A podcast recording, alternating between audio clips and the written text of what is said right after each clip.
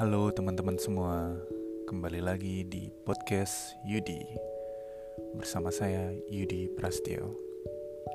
Di podcast ini saya membahas tentang sharing pengalaman hidup saya, motivasi, bisnis, investasi, dan keseharian saya selama tinggal di Jepang. Selamat mendengarkan. Halo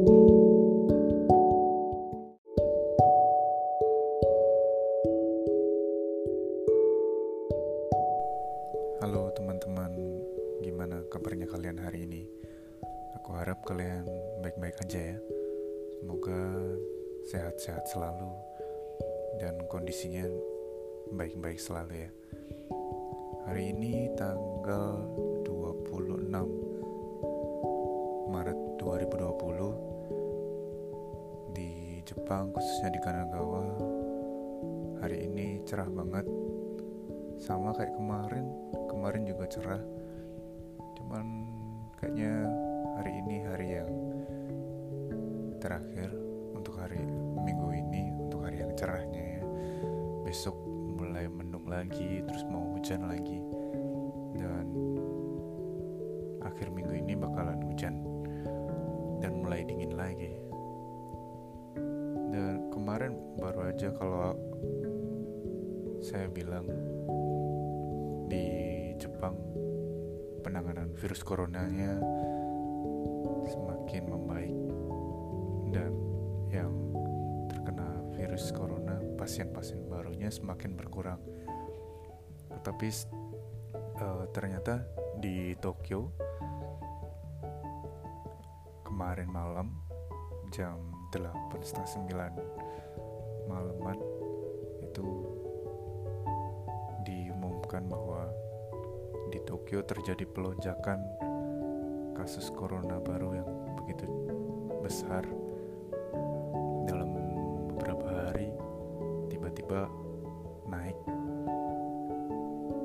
Pasien yang positif coronanya begitu lonjakannya terlalu besar. Dan dikhawatirkan akan semakin banyak. Untuk itu kemarin malam wali kota Tokyo mengumumkan untuk Tokyo penduduk Tokyo untuk mengurangi keluar rumah. Intinya seperti itu sih. Tapi tidak dijelaskan untuk mengurangi keluar rumah dengan secara paksa maksudnya hanya dihimbau seperti itu ya nggak seperti yang dilakukan di Italia yang memang benar-benar lockdown satu kota gitu. Tapi di Tokyo belum sampai seperti itu.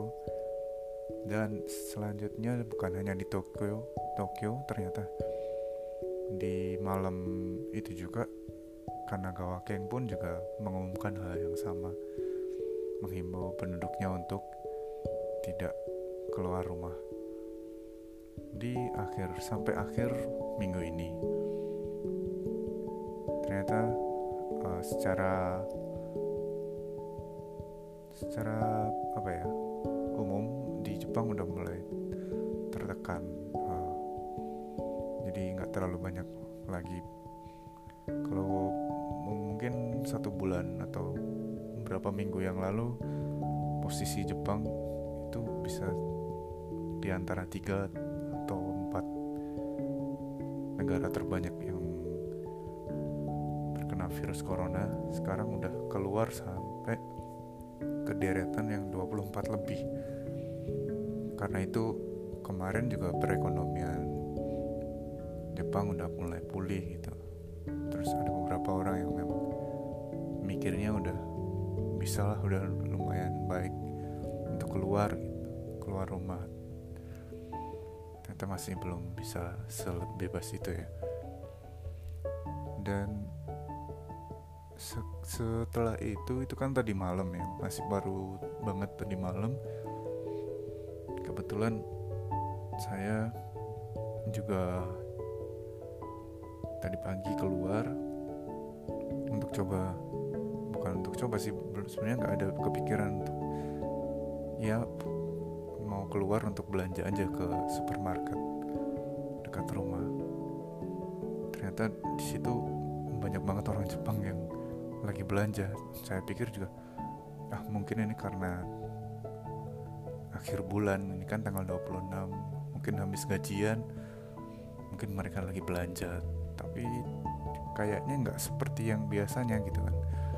Saya lihat mereka ambil stroller yang besar yang satu stroller itu tapi barangnya itu nggak cuman satu keranjang di bawahnya itu ada satu lagi keranjang dua satu stroller ada dua keranjang dan itu penuh semua.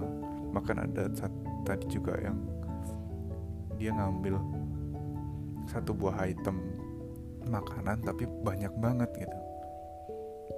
Tadi saya lihat dia ada, ada bapak-bapak yang ambil tahu banyak banget aku pikir apa orang ini mau jualan lagi atau mau masak apa dia mau masak untuk restoran ya? Tapi nggak cuman itu ada beberapa orang juga yang apa namanya belanja banyak-banyak. Dan di situ saya baru sadar kalau ternyata maksudnya mereka ini mau menimbun makanan untuk sampai 3 sampai 4 hari atau seminggu lebih lah. Karena memang di himbau untuk tidak keluar rumah dan di televisi ketika saya lihat lagi beritanya ada kemungkinan Tokyo, Kanagawa dan sekitarnya itu bakalan lockdown. Jadi akan apa ya ditutup total gitu dihentikan kegiatan-kegiatan keluar rumahnya seperti kayak misalkan uh, bekerja untuk ke kantor dan sekolah serta intinya nggak nggak nggak menutup kemungkinan Tokyo juga bakalan seperti London atau di kota-kota besar di Italia yang saat ini lagi lockdown itu yang cukup ngeri juga. Jadi makanya mereka mungkin berpikiran berbondong-bondong untuk belanja duluan. Supaya nanti ketika lockdown pun mereka masih masih bisa bersiap-siap. Masih cukup bahan makanannya. Seperti itu. Ngeri juga ya ternyata. Saya apa ya beruntung juga sih tadi kenapa tahu gitu Tuhan bisa bisa belanja. Kebetulan juga saya tadi belanja cukup banyak. Beli beras juga beli minuman juga. Bahan-bahan mungkin bisa sampai 3 sampai 4 hari cukup untuk di rumah aja. Itu yang perlu diwaspadai. Cuman nggak perlu panik sih sebenarnya. Karena pada intinya eh, bencana ini nggak akan mengganggu aktivitas kita. Maksudnya tidak akan mengganggu lifeline kita namanya. Lifeline itu maksudnya nggak akan mengganggu saluran air listrik gas. Kayak misalkan bencana alam yang lain.